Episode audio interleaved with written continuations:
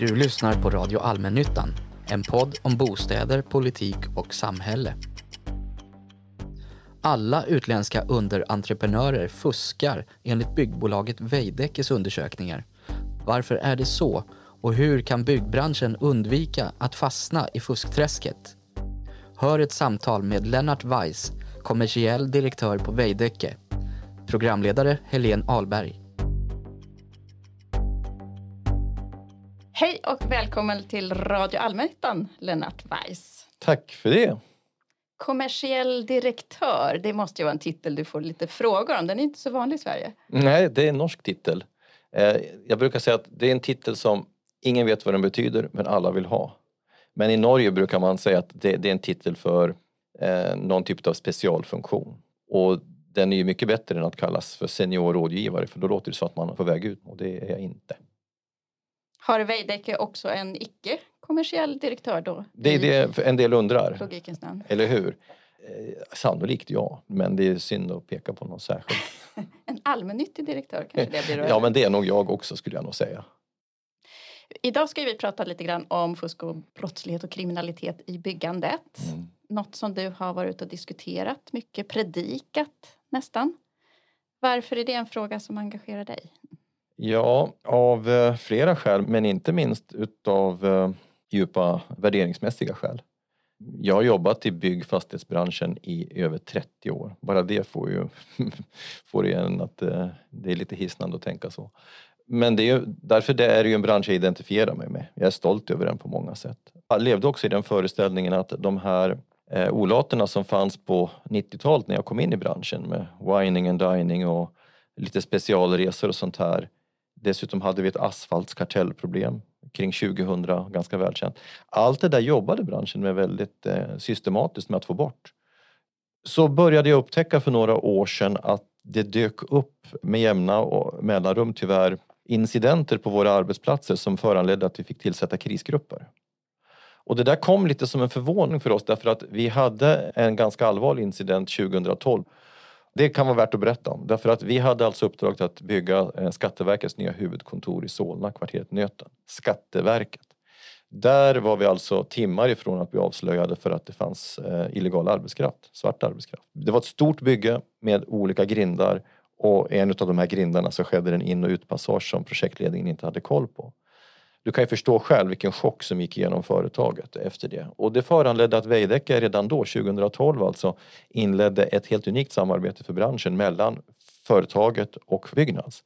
Så att vi har alltså överlåtit kontrollen mot våra underentreprenörer i första led, UE1 som vi säger, till Byggnads. Så det är de som sköter den mot fackliga villkor. Och det betyder också att de har fått mandatet. Så säger de nej, då är det nej. Då uppfyller man inte krav på lönerapportering eller fackliga avtalsförsäkringar eller arbetstider eller vad det nu kan vara. Och sen införde vi eh, ett system med UE i två led 2016 för att begränsa de här långa underentreprenörskedjorna som ett välkänt upplägg för att eh, skurkföretag ska kunna gömma sig längre ner i kedjan. Så vi hade nog en ganska stolt och, och hög eh, självbild av att vi hade koll. Men så kom det ständigt incidenter. Och då fick jag ett uppdrag utav eh, VD att titta på det där närmare och jag tänkte att det där sköter jag väl med vänster hand liksom. Men det har ju blivit en huvudarbetsuppgift. Jag jobbar 80 procent med det här idag därför det var, växer och växer.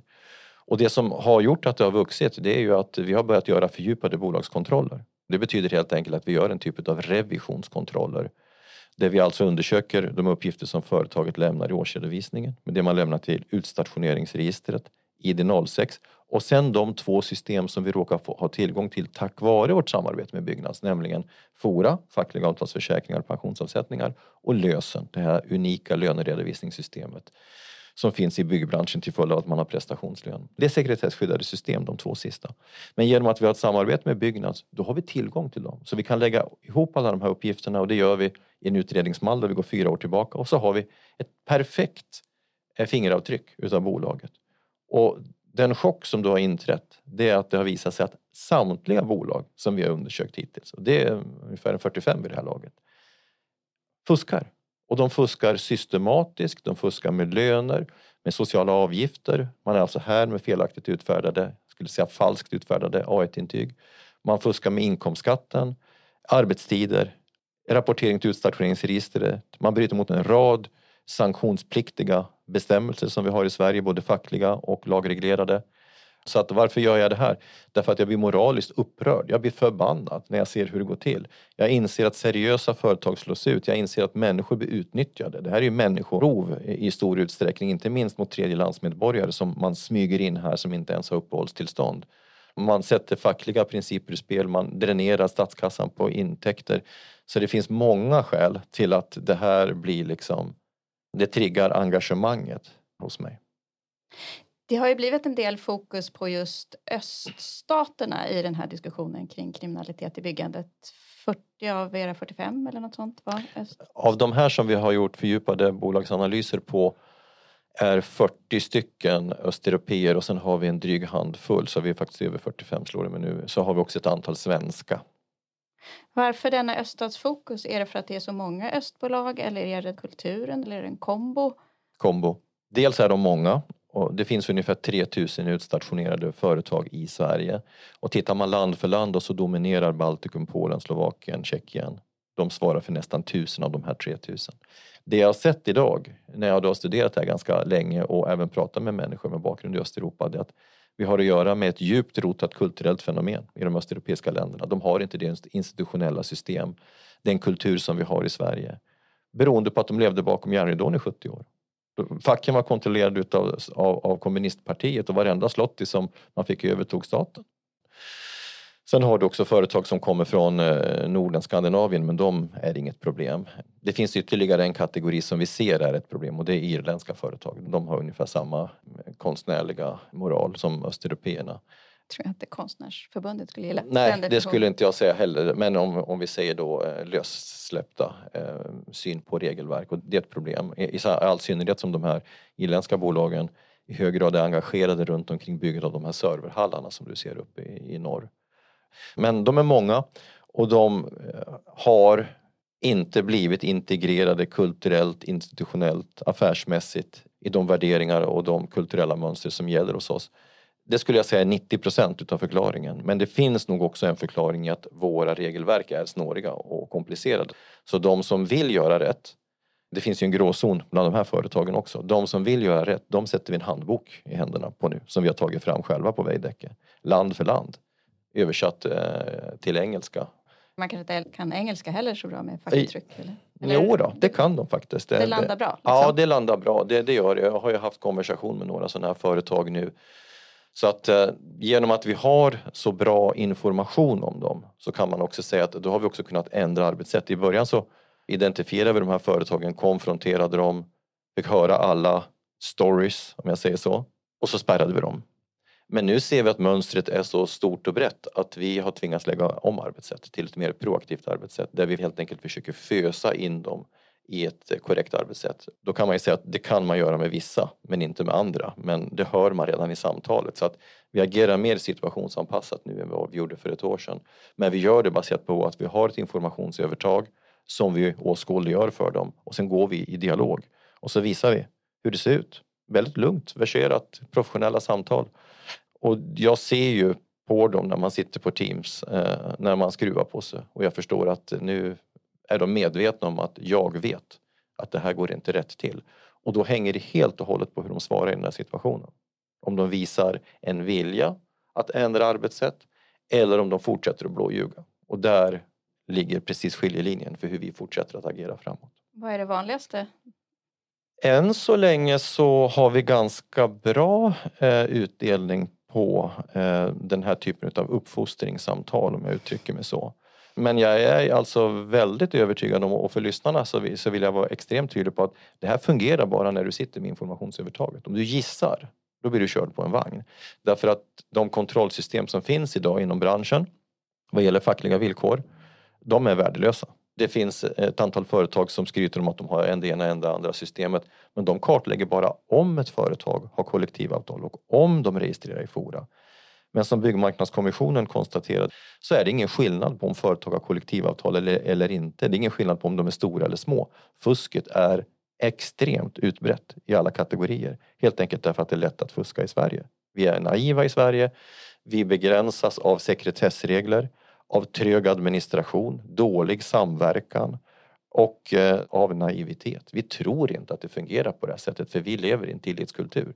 Men de här människorna lever inte i en sån. Och när jag har sagt allt det här nu så vill jag göra, understryka en sak. Det är verkligen ingen moralisk eh, bandbulla mot de enskilda yrkesarbetarna. De är förbannat duktiga.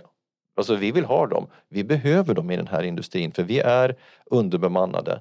Vi skulle inte klara av den expansion som har varit i byggbranschen de senaste tio åren om vi inte hade dem. Så vi behöver dem och vi behöver företagen också. Men vi kan inte acceptera det här skurkaktiga beteendet för det riskerar att göra byggbranschen till samma bottenlösa träsk som transportsektorn har redan blivit, restaurangsektorn, städ och så vidare. Va? Och det här är en sektor som omsätter 800-900 miljarder per år och sysselsätter ungefär 350 000 människor i Sverige. Det är jättestora skattepengar. Den här branschen får inte gå den vägen. Ni har identifierat Veidekke då fem fuskvarianter ja. i stort sett som mm. ser lite annorlunda ut. Det finns liksom nationella specialiteter eller man ska säga, på arbetssättet. Mm. Kan du utveckla det lite? Ja, de, de, två främsta som man ska ha koll på det är den baltiska fuskmodellen och det vi kallar för den falska företagarmodellen. Det är de två vanligaste. Den baltiska fuskmodellen betyder helt enkelt att man döljer den faktiska lönen genom att klumpa ihop traktamente med lön. Så redovisar man det som lönesumma.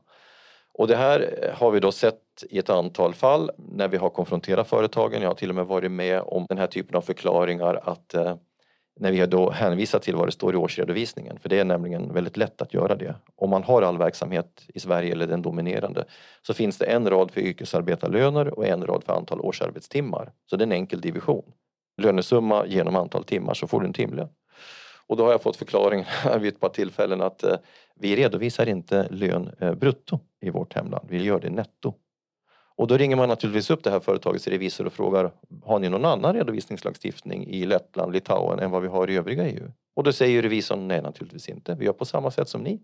Det är ju europeisk lag. Så varför säger VD på det här sättet? Ja, han pratar i nattmössan, säger revisorn då helt ärligt. Och så är det ju då, man försöker helt enkelt dölja de faktiska omständigheterna på det sättet. För det ger ju en enorm konkurrensfördel.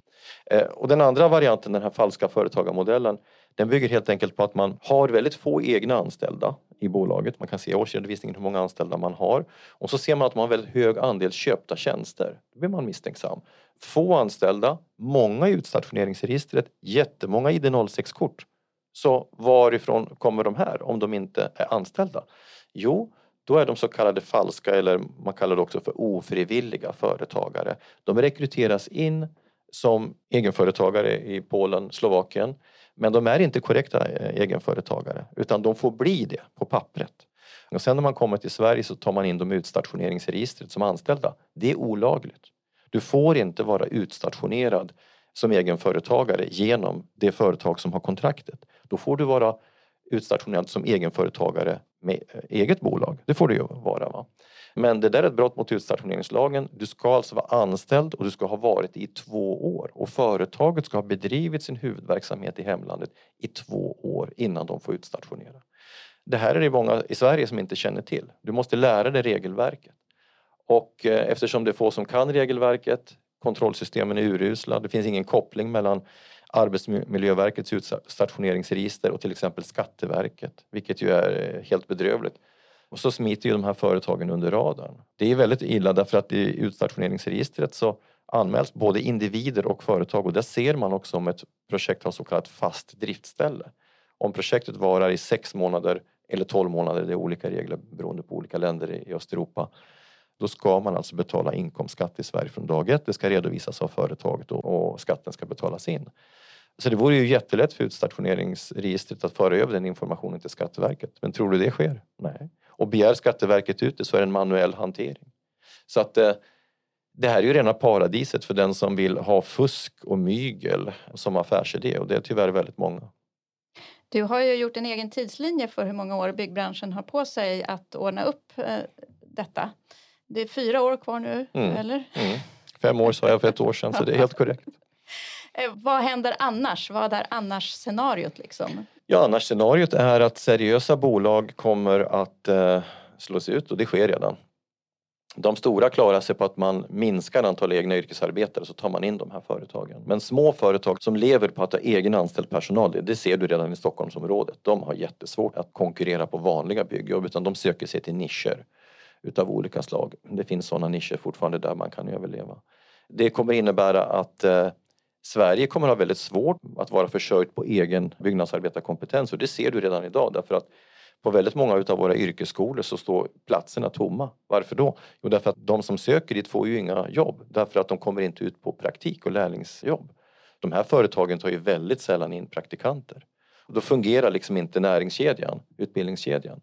Så att eh, det kommer att urholka branschen, det kommer bli svårt för seriösa företag att överleva och branschen kommer få ett sånt rykte att väldigt många rättrådiga människor helt enkelt inte vill söka sig dit. Så det här är i sig ett samtalsämne som vi har på Veidekke. Jag menar, vi vill ju att våra barn gärna ska söka sig till den branschen vi tycker om och älskar. Men inte fasiken vill de göra det om jag berättar om att här är fusk en del utav vardagen. Det går ju inte. Ungdomarna har ju massor med alternativ. De har ju ändå liksom lust att jobba i flashiga branscher som Spotify och vad det nu är. Va? Så byggbranschen är inte särskilt sexig i utgångsläget och ska den bli intressant då måste den ju fungera på rimliga villkor.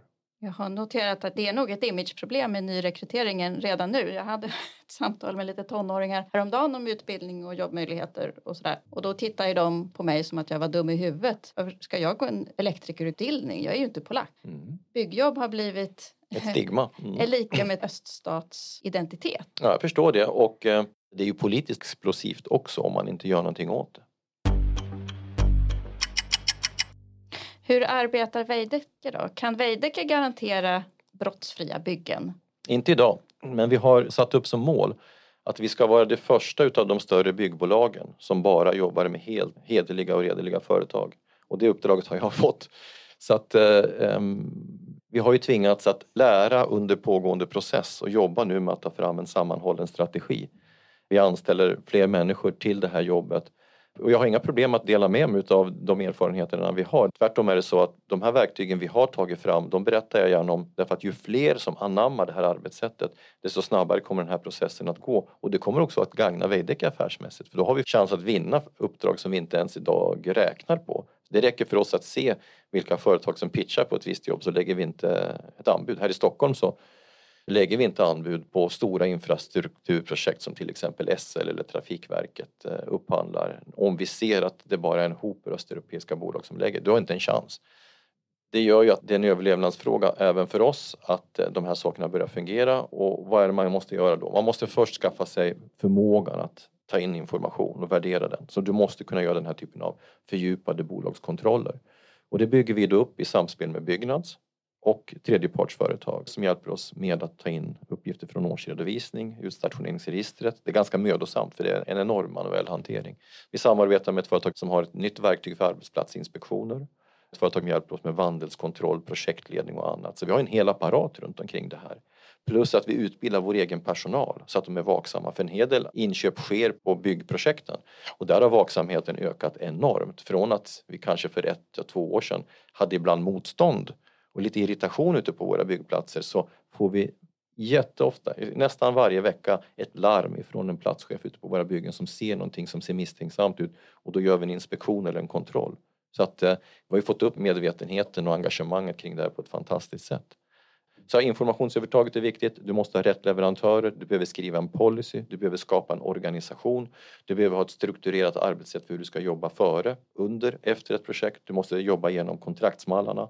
Du måste skriva in saker och ting i ditt verksamhetssystem. Du måste ha samarbete med facket etc. Så det är ju liksom det är ju en jättegrej. Vad är vandelkontroll? Brotts, eh, ja, brottskontroll, helt enkelt, om det finns brottslig belastning. Handel och vandel är lite Christer Pettersson. Ja, exakt. Ja. Och eh, vi, vi spärrar också en del bolag på just vandel som kriterium och det är en hemlig process som vi tar i ett särskilt forum som heter Leverantörsrådet. Och när jag tittade på det häromdagen så dominerar faktiskt svenska företag i det registret. Då är det alltså en annan typ av brottslighet. Det kan vara kopplingar till kriminella strukturer. I ett par tre fall så ser man att ägarna har koppling till kriminella element med våldskapital och så. De spärrar vi. Så att om en platschef ringer till dig och säger nu misstänker jag något här, vad är det första som händer?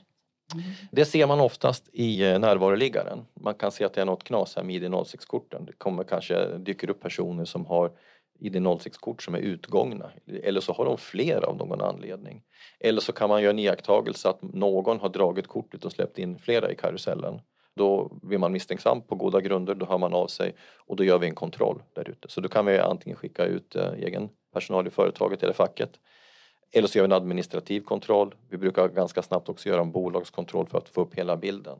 Så att eh, vi har liksom olika typer av verktyg beroende på vad det är för typ av problem som vi ser. Hur hög andel egen personal kontra underentreprenörer har Veidekke just? Den är lite svår att besvara. På anläggningssidan har vi en väldigt hög andel egen personal. Eh, gissningsvis 70-80 procent i förhållande till det vi gör. Men på till exempel betongsidan, stora betonggjutningar, där är vi behovet av extern kompetens. Speciellt uppe i norr där det är jättesvårt att rekrytera personal. På byggsidan ser det väldigt olika ut från region till region. Så där skulle jag säga att det ligger kanske på Ja, som ett snitt skulle jag nog säga 40-50 procent men det varierar lite mellan regionerna. Jag skulle själv önska att, var, att vi hade en högre siffra men det är fortfarande så att Veidekke och Peab har sannolikt den högsta andelen egen anställd personal i förhållande till eh, de andra större kollegorna vi har i branschen. Är det en ambition att öka andelen egen personal eller det... räcker det med att begränsa underentreprenörsleden? Ja, det, det där är en av de frågor som vi diskuterar just nu.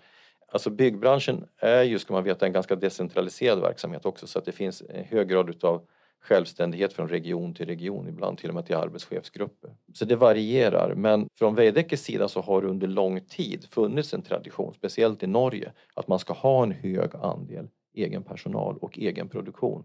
Och själv är jag vän av den tanken. Det ger kompetens in-house, eh, det ger en helt annan dynamik mellan tjänstemän och yrkesarbetare och det ger ju naturligtvis en helt annan kontroll. Men det är också mer krävande. Du ska ha arbetsledningspersonal och allt det där och det vet jag att en del tvekar inför. Tycker att det är liksom lättare, mer flexibelt att ta in under entreprenörer. Vi kommer behöva både och i en god mix. Men var den optimala punkten ligger diskuterar vi just nu. Jag tror att vi behöver mer egen personal.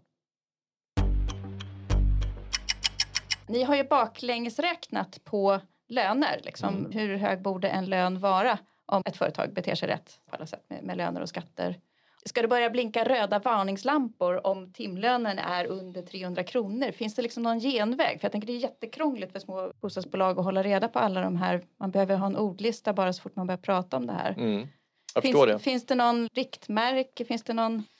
Ja, jag har ju upptäckt att det var ganska många som inte kunde matematiken. Och om vi gör den lite snabbt och enkelt då, så kan man säga att på byggsidan där har vi då ett, ett särskilt avtal som gör att man kan ha antingen 70, 88 eller 100 procent av kollektivavtalets grundlön och det är relaterat till din yrkeserfarenhet. Så har du mer än sex års erfarenhet då menar man att man uppfyller då så att säga kravet på yrkesbevis. Då ska man ha 100 procent av kollektivavtalets grundlön. Då utgår vi från det. Det är runt 200 kronor ungefär. Då ska du lägga sociala avgifter på det, 31,42 procent. Då får du ungefär en 57 kronor om jag minns rätt. Du ska lägga på semesterersättning 12 procent, det blir väl en 21 kronor va? Du ska lägga på FORA, fackliga avtalsförsäkringar. Så du, du springer väldigt snabbt upp över 300 kronor. Så på 100 procent så hamnar du någonstans på 320-330 kronor. På 88 procent hamnar du på 310 kronor. Och eftersom ju vi har kompetens hos oss så innebär det att vi kan ju själva baklängesräkna vad borde det här kosta? Och får du då ett anbud där du liksom kan höfta det fram till att de här gubbarna kostar ju bara 150 spänn i timmen.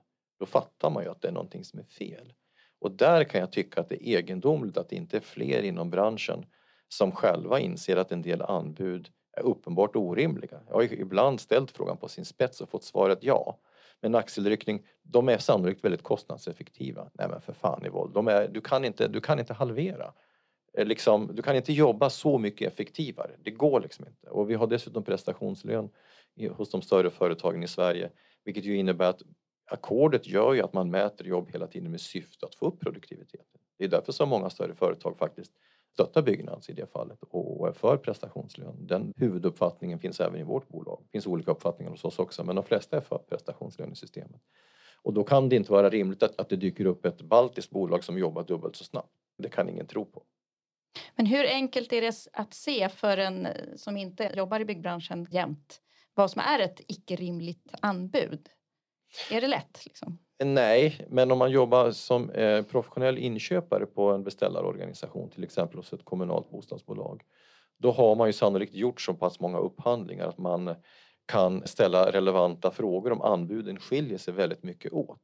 Och det är det jag ser att man i många fall inte gör. Jag kan ju också se på den offentliga sidan och då adresserar jag inte allmännyttan nu utan rent generellt eh, offentliga sidan. Det gäller speciellt på större infrastrukturprojekt här i Stockholmsregionen så har jag väldigt många vittnesmål om att man sänker de kvalitativa kraven och går bara på pris. Därför att det blir enklast, speciellt om ett anbud överklagas till juridisk instans. Då blir det lättare att försvara varför man tog ett anbud på bara på pris. Om vi säger att vi har ett jobb som i den egna kalkylen ska kosta 25 miljoner och du har en spann mellan 15 till 35 då är du ju faktiskt rent oprofessionell om du inte fattar att det är någonting som är fuffens med anbudet som ligger 5-10 miljoner under den grovkalkyl, den grosshandlarkalkyl du gör själv. För det kan folk på upphandlingsenheter på de kommunala bostadsbolagen. Och då skulle jag ju kunna tycka att det vore väldigt naturligt att man konfronterade det här. Nu vet jag att det sker i många fall och det är ingen tvekan om att vaksamheten inom allmännyttan har ökat kolossalt de senaste en, två åren. Men jag vet också att det finns många bolag som fortsätter att upphandla väldigt slentrianmässigt och eh, i ett par fall så har ju vi larmat det bolaget om att här har ni ett företag som är underentreprenör till er huvudentreprenör som absolut inte uppfyller kraven. Jag har i något fall visat upp vår egen bolagsanalys som man ändå har valt att negligera och det sånt gör mig förbannad. Men om man är ett litet bostadsföretag med fem anställda som bygger nytt en gång var tionde år då har man ju inte en upphandlingsenhet. Nej, liksom. men då ska man ju tycker jag vända sig till någon som har den upphandlingskompetensen. För att har man så dålig då, då, då ligger man illa till. Men då finns ju ett annat verktyg, eller finns i teorin. Här har allmännyttan och vi samma uppfattning. Om man kan få bräcka bort lagen om offentlig upphandling så får man ett verktyg att arbeta på ett annat sätt och det är att jobba med öppna böcker.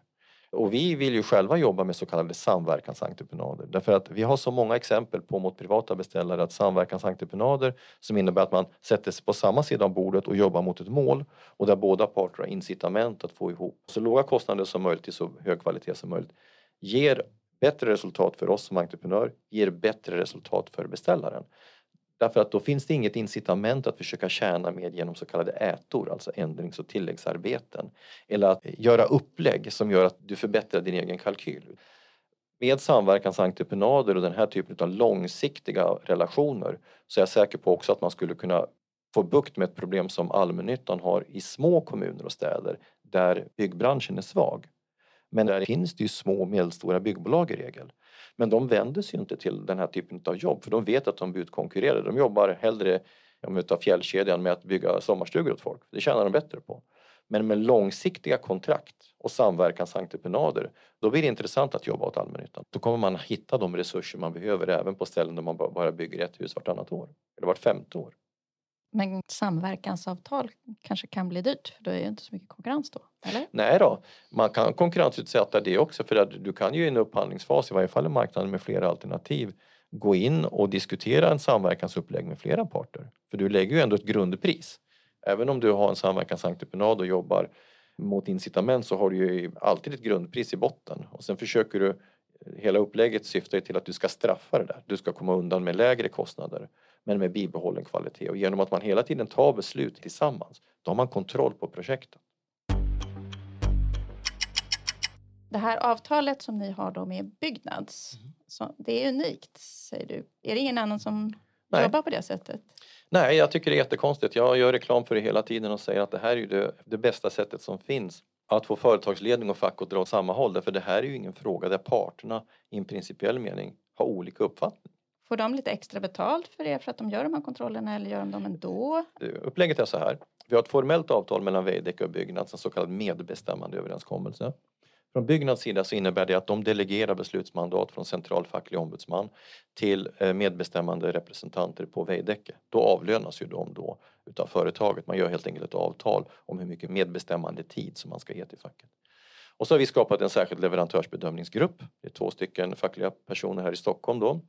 De har ett personligt mandat, vilket innebär att de har samma mandat som central facklig ombudsman.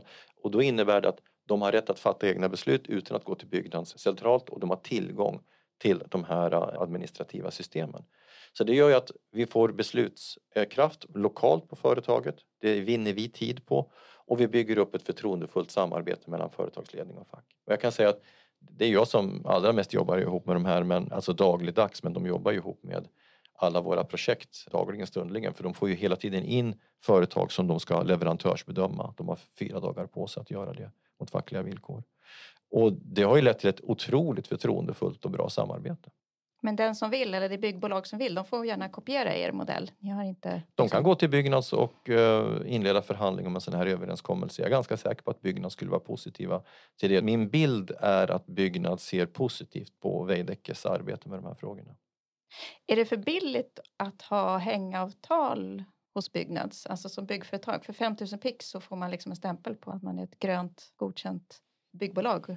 Ja, jag, ja det, det, är en väldigt motiverad fråga och jag tycker diskussionen ska föras därför att eh, nu kan inte jag exakt regelverket runt omkring det här. Jag vet inte om det är möjligt för Byggnads att höja den här avgiften radikalt men det vore önskvärt därför att företag som idag inte går med i byggföretagen och vill underkasta sig den här basala kontrollen som görs på byggföretagen, för det görs ändå en viss kontroll. Man kollar mot Credit Safe att det inte finns eh, betalningsanmärkningar och skulder och sådana här saker, va? Eh, skattefordringar. Men därutöver så görs det ju väldigt lite. Men företag som inte ens vill underkasta sig den kontrollen kan ju hur lätt som helst få ett hängavtal imorgon och därmed så har de fått en fasad av att allting är ordning och reda. Det är ju en missuppfattning som jag förstår omfattas långt upp i företagsledningarna hos de större byggbolagen också, att man tror att ett hängavtal är någon sorts garanti om ordning. Men jag skulle då säga att det är en ren fejkfasad. Det är ett alibi eh, som inte har något värde överhuvudtaget och då skulle man behöva antingen höja det här administrationsarvodet så pass mycket att det är minst lika attraktivt att vara medlem i byggföretagen. Om det är möjligt eller inte vet jag inte. Men däremot så vet jag ju att den svenska arbetsmarknadsmodellen, den här partsmodellen, den är ju i praktiken en typ av myndighetsutövning. Den bygger på det man kallar för partsautonomi. Det vill säga det är parterna på arbetsmarknaden och inte staten som reglerar villkoren på arbetsmarknaden. Och det innehåller ju två delar. Dels är det parterna som reglerar villkoren men där i ligger också att man har en skyldighet att säkerställa att villkoren hedras. Om man inte kan visa det i långa loppet då innebär det att en massa människor som far illa man är anställd på en arbetsmarknad som då ska regleras av kollektivavtal men i praktiken så får inte människorna den lönen. Jag kan förstå att det finns personer nere i EU-systemet i Bryssel som tycker att det vore bättre att införa statliga lägstalöner för då har du en statlig garanti. Då blir det ju ett lagbrott att inte betala ut den statliga lägstalönen. Men det systemet har vi inte i Sverige, vi har en partsmodell. Och där kan jag då tycka att både Byggnads och byggföretagen har en väldigt stor förbättringspotential. Det finns 12 000 hängavtalsbundna företag. Det gör ju i runda slänga 50-55 miljoner i inkomster. När jag tittar på hur Byggnads kontrollapparat ser ut så är den inte imponerande. De har haft ett par ombudsmän som har jobbat med de här frågorna. Men de skulle ju lätt för 50 miljoner kunna ha 30 kontrollanter och 6-7 analytiker anställda. Varför har de inte det? De skulle kunna göra jättemycket mer. Och byggföretagen Alltså, jag blir upprörd när jag inser att vi betalar 5 miljoner till byggföretagen varje år. Byggföretagen släpper igenom i stort sett varje dag företag som konkurrerar ut oss från projekt. Rena skurkföretag. Det här ska parterna ta hand om. Så att jag, jag borde egentligen inte syssla med de här sakerna. Jag borde syssla med omvärldsanalys och marknadsbevakning och bostadspolitik och alla sådana här saker som jag hade som huvudsyssla förr och affärsmässiga frågor. Men eh, jag får ägna mig åt de här frågorna därför att parterna inte gör sitt jobb och jag tycker i grunden att det är upprörande. Hur hög andel av medlemsföretagen i byggföretagen kan det vara som inte har rent mjöl i, i byggpåsen? Av de svenska företagen som jobbar med egen personal så skulle jag säga att regelefterlevnaden är väldigt hög. Så att där ska man inte ha någon sorts föreställning om att eh, svenska yrkesarbetare eller tjänstemän blir lurade. Lång facklig tradition, social disciplinering, kompetenta HR-avdelningar, värderingar, alla möjliga aspekter på den här frågan gör att man sköter sig jättebra mot sin egen personal utan det är just mot underentreprenörer och företrädesvis då i Östeuropa som problemet finns. Men eh, med det sagt så finns det skurkaktiga svenska företag också. Som sagt, vi har spärrat 20 bolag mot etiska eh, överträdelser och eh, om jag minns rätt så är 16 utav dem svenska. Så att det finns skurkar här också. Vi har upptäckt bolag som eh, har samröre med grovt kriminella element och, och de bolagen vill vi inte ha att göra med. Men eh, jag är säker på att jättemånga av dem där gör jobb just nu åt andra större företag och åt sannolikt också åt allmännyttan som yttersta beställare helt enkelt därför att det är ingen som bryr sig om att kontrollera dem. Men vilka är det som ska vara byggpoliser? Är det byggfacken, är det byggföretagen eller är det liksom staten eller var borde var är det rimligt att man har den resursen? Liksom? Åh, Eller ska alla hålla på med detta? Jag blir så glad över att du ställde den frågan. Därför att jag har ibland fått eh, kommentaren att om Veidekke ser en massa avvikelser, varför ringer de inte polisen? Och då syftar vi alltså på att man inte har betalat ut löner. Därför att det är inte den statliga polisen som har ansvar för att säkerställa att människor har rätt lön i Sverige. Det är parterna på arbetsmarknaden. Det är de som är polisen. Jag brukar själv tänka att jag ibland har polismössan på mig. Det är fan med jag som är polisen. Vi som jobbar på Veidekke är en del av det polisiära systemet som finns på arbetsmarknaden. Det är vår uppgift och det är en uppgift som vi har tagit på oss sedan Saltsjöbadsavtalet 1938 att säkerställa att villkoren på arbetsmarknaden regleras och hedras. Sen när det gäller betalning av sociala avgifter när det gäller arbetstider, det är lagreglerat. Eh, när det gäller eh, inkomstskatt, bolagsskatt, eh, arbetsgivarregistrering etc. Det är lagreglerat. Att du ska anmäla till, det utstationeringsregistret att de människor som finns i Sverige har uppehålls eller arbetstillstånd, det är lagreglerat. Så där ska staten genom sina myndigheter utöva kontroll. Men när det gäller löner och sånt som regleras av fackliga avtal, det är arbetsmarknadens parter. Och det är väldigt många som inte förstår det. De förstår inte innebörden av den svenska modellen. Och det gör mig, det gör mig upprörd och förvånad och full i skratt och allting. Hur, hur kan kunskapen vara så dålig om grundläggande förhållanden? Men nu är det ju delar som är rena lagbrott också. Stockholmshem har ju gjort indirekt kan säga, polisanmälningar också. Mm. Och då har det rört, rört tredjelandsmedborgare som inte har uppehållstillstånd, det vi kallar för svart arbetskraft, då, illegal arbetskraft. Och eh, jag är ju själv chockad över Stockholmshems siffror där. Morgan har ju berättat för mig då, när man började göra de här undersökningarna så kunde man konstatera att 50 av de företag som fanns på byggena var inte inskrivna. De hade inte rätt att vara där. Han gjorde bedömningen att inledningsvis så var det 50 och kanske 3-4 av arbetskraften som inte var där på laglig grund. Och idag är siffran nere på 3. Men om det fortfarande är så att ungefär 3 procent av de som springer omkring på byggena inte ens har rätt att vistas i Sverige så är det ju, så är det ju skrämmande. Och det kom nya siffror från Arbetsmiljöverket att andelen utstationerade fortsätter öka. 55 000 tror jag det var nu 2021. Mm. Varav 34 000 i bygg. Ja, och Kommer jag den är, trenden att fortsätta? ja, liksom? det tror jag. Och dessutom så tror jag att det är betydligt fler. Därför att då pratar vi om sådana som är öppet utstationerade och är kopplade till storbyggsektorn. Jag är helt övertygad om att när det gäller byggservicesektorn, alltså den här typen av jobb som görs hos hushållen, villaägare, bostadsrättshavare, alltså man byter kök och renoverar badrum. Där är jag helt övertygad om att det finns massor med företag som inte finns i utstationeringsregistret. De är här helt mörkt. Men vad är den slutgiltiga, eller vad är den bästa lösningen då för att inte byggbranschen ska hamna i det, detta träsk som du har beskrivit risk för? Mm. Ja, det är ju övervakning och kontroll i alla led. Och det är väldigt viktigt att säga det därför att just nu så pågår någon form av Svarte Petter diskussion. De som hamnar då i blickfånget för ett problem pekar gärna på någon annan. va. Jag kan också tycka att Villaägarna som intresseorganisation, HSB som intresseorganisation, Riksbyggen som samorganisation för tusentals bostadsrättsföreningar och hundratusentals individer skulle ju kunna skapa ett certifieringssystem för schyssta byggare. Man skulle kunna skapa den här typen av handböcker som vi har eh, utfärdat. Man skulle kunna ha egna kontrollanter för att stötta bostadsrättsföreningarna att göra kontroller. Så att eh, det är många som har suttit på händerna och ensidigt bara pekar mot byggföretagen. Det här får ni ta hand om. Vad man då bortser från är att byggbranschen är en extrem lågmarginalsbransch. Just nu så har vi 1,9 procent i marginal i förhållande till omsättningen på vår byggenhet här i Stockholm. Ja, vad blir 2 procent på 2 miljarder? Det betyder att på ett, ett enda projekt, om du har tre anbudsgivare som har offererat 15, 25, 35 miljoner så kan du antingen dränera hela det resultatet eller fördubbla det. Lockelsen att då välja ett anbud som är lågt utan att göra kontroller är kolossalt.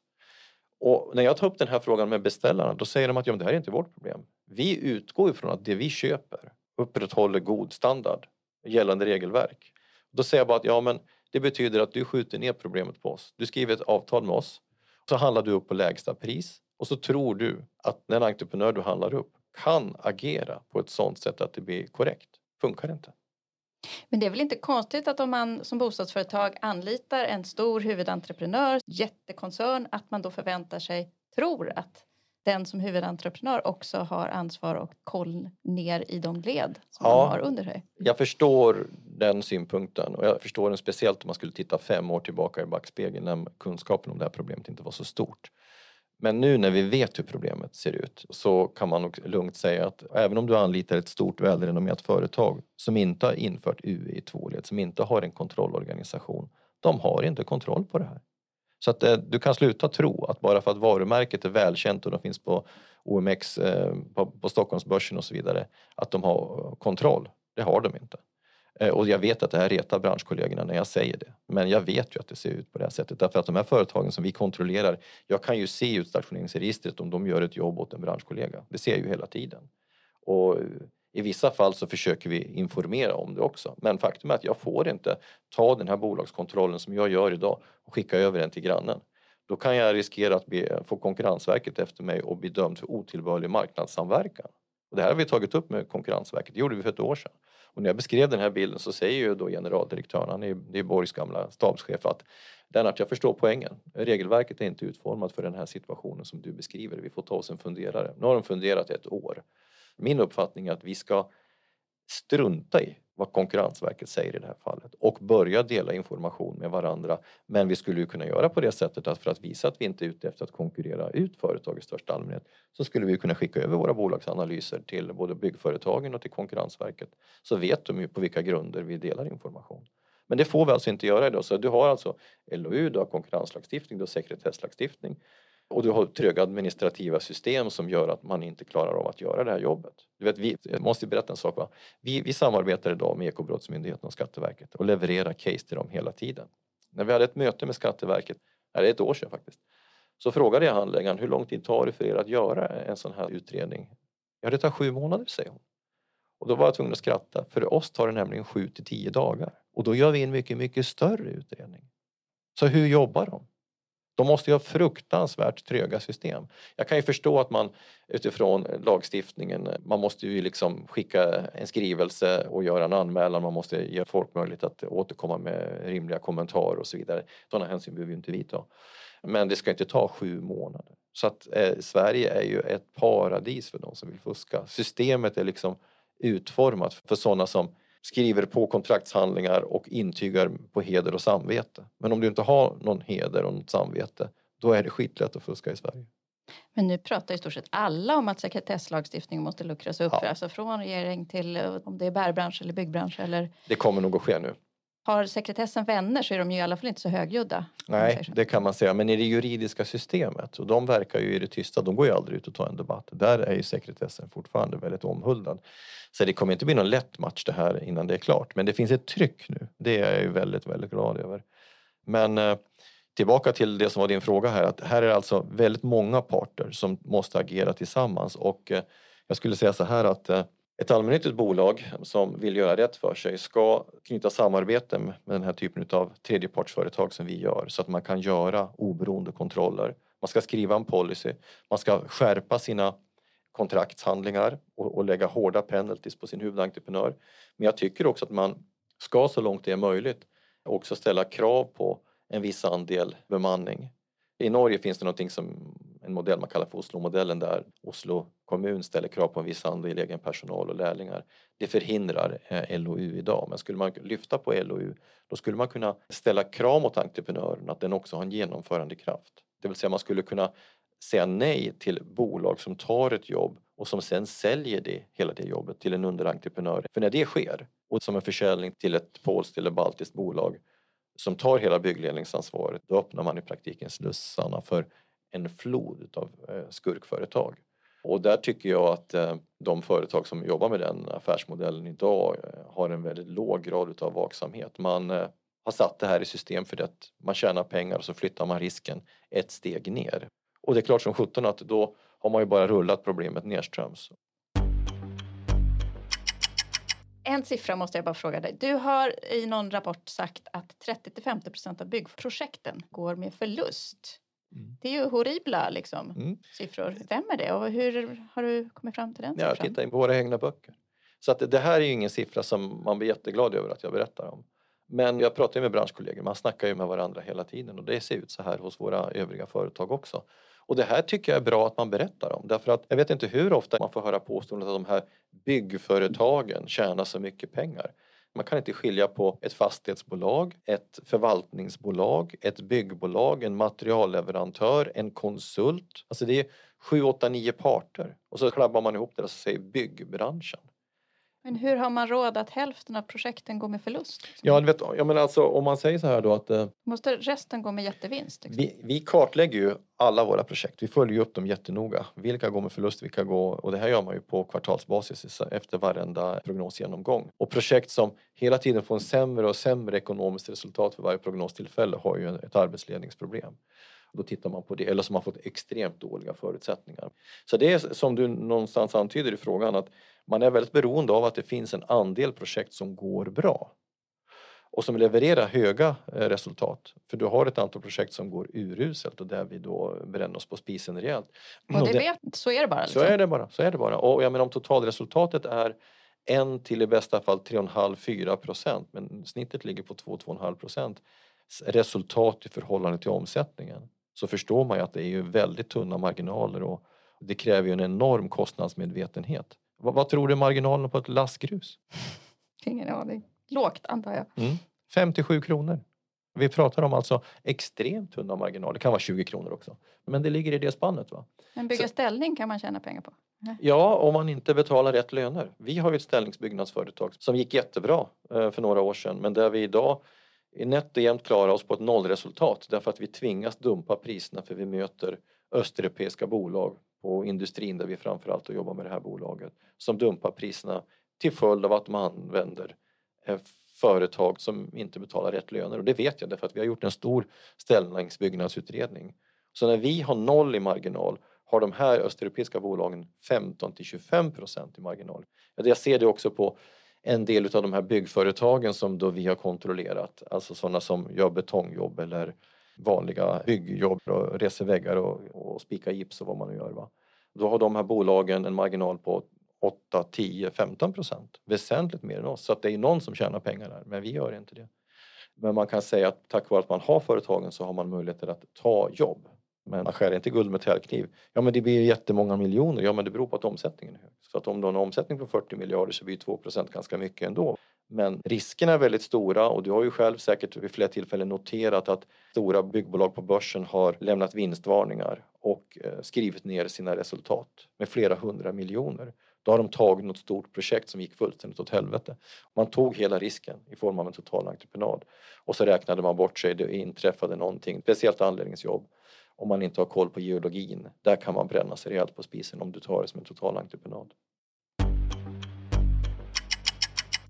Du har ju fått tillåtelse att prata hur mycket som helst om att alla fuskar och det är så mycket problem med, även i våra egna led. Mm. Men det är inte så många andra som pratar så mm. av dina byggbolagskollegor. Varför är det så? Varför får du prata? Jag har fått prata i alla möjliga år under Veidekke. Delvis har jag faktiskt fått det som jobb att prata. När jag kom tillbaka till Veidekke 2012 så ville man att eh, Veidekke skulle bli en mer samhällsengagerad aktör.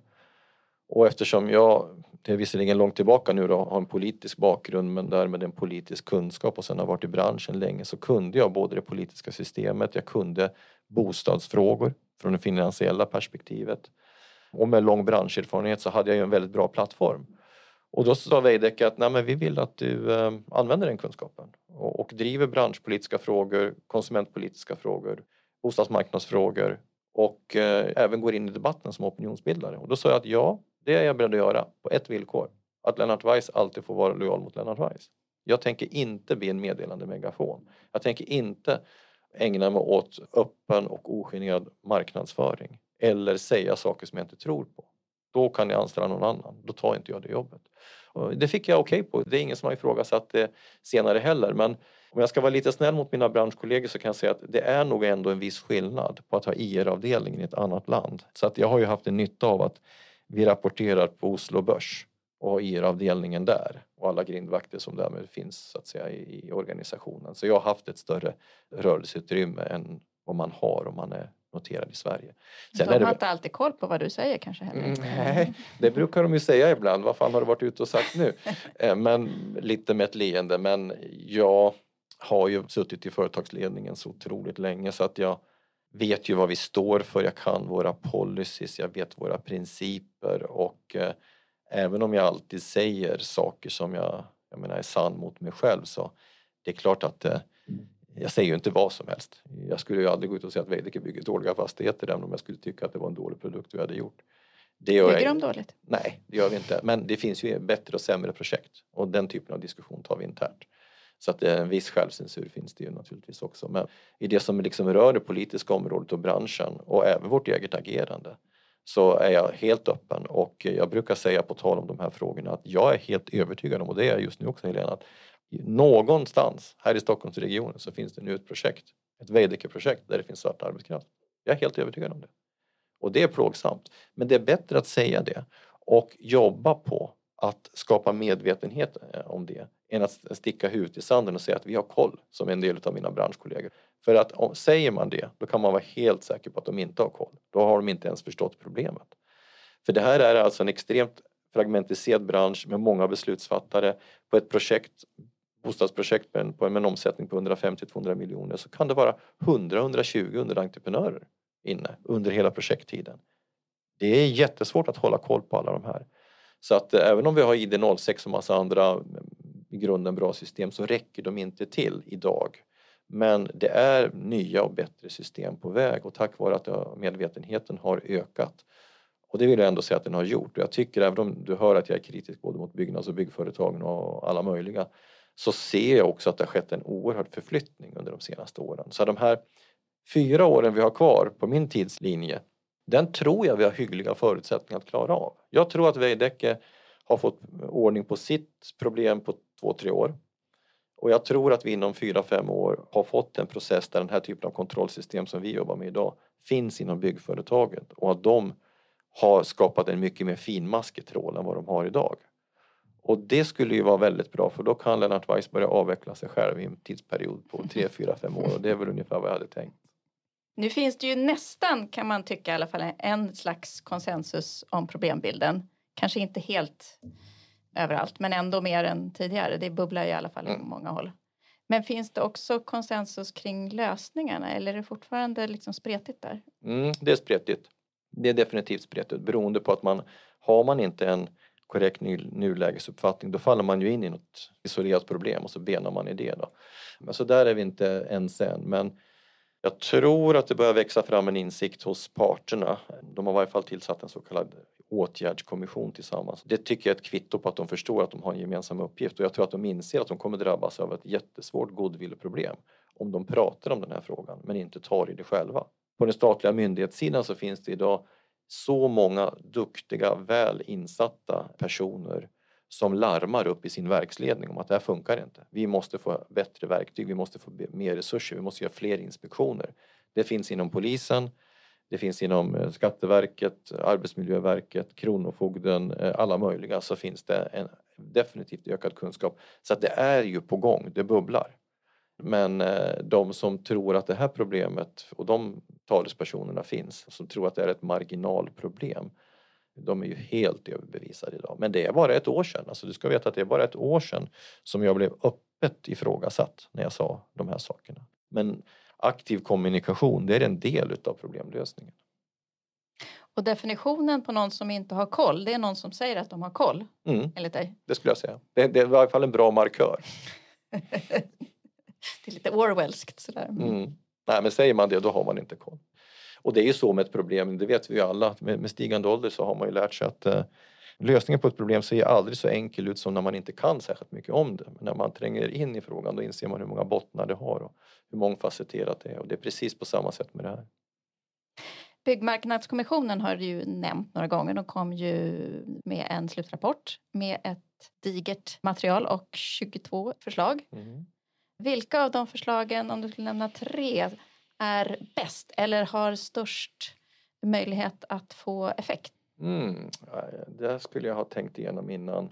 eh, jag tycker att de har lagt bra förslag på lagstiftningssidan när det gäller just eh, sekretess, informationsutbyte och de här sakerna. Därför då har man eh, flera förslag som kuggar i varandra som är bra. Jag tycker att man är tydliga mot arbetsmarknadens parter att de måste ta ett större ansvar. Även om det är lite inlindat så kan man ju se att Byggmarknadskommissionen ifrågasätter den svenska modellen om inte parterna tar sitt ansvar. Om den fungerar så illa som den gör just nu vad gäller just regelefterlevnad så kan man ju läsa mellan raderna att då ifrågasätter man om den här kan överleva på lång sikt. Det tycker jag är bra att det sägs. Sen så, jag kanske tycker också att även om man har haft huvudfokus på storbygg, den kommersiella byggsektorn, så tycker jag faktiskt också att det är bra att man har lyft upp det vi kallar för byggservice eller hushållssektorn. För den, den är jättestor och den seglar liksom under radarn på den här debatten. Många bäckar små. Ja, många bäckar små och eh, blir också ett moraliskt problem. Jag menar för några år sedan så kunde man ju höra folk även med goda inkomster skryta helt öppet om att hur billigt de köpte städtjänster. Det hör man ju dessbättre inte längre. Va? Nu finns det en skamfaktor kring det där. Men vi vet ju att människor fortsatt köper städtjänster och byggtjänster och annat och köper hämtmat från de här gigföretagen och så vidare. Gå på restaurang eh, utan att reflektera över varför den här restaurangen har en tredjedel av priset på samma maträtter som grannrestaurangen. Det är liksom inte rimligt. Va? För hyror och löner ska betalas. Så att, eh, det finns liksom en naivitet eller en bristande benägenhet att se det här konsumentansvaret och jag tycker att eh, det är viktigt att se det också. Jag tycker de har lagt en bred palett men jag skulle nog säga att eh, Byggmarknadskommissionens förtjänst är att de har gjort en fantastiskt bra nulägesbeskrivning. Nu ifrågasätter ingen problembilden. Man beskriver hur mekanismerna i branschen fungerar på ett bra sätt och de har ändå lagt 22 mycket bra förslag. Man har satt en boll i rullning och det tycker jag verkligen att byggföretagen och Byggnads och andra fackförbund ska ha heder av att de tillsatte den här kommissionen och finansierade den. Man vill ändå i rätt riktning. Jag har fullt förtroende för Johan Lindholms och Katarina Elmsäter-Svärds intentioner.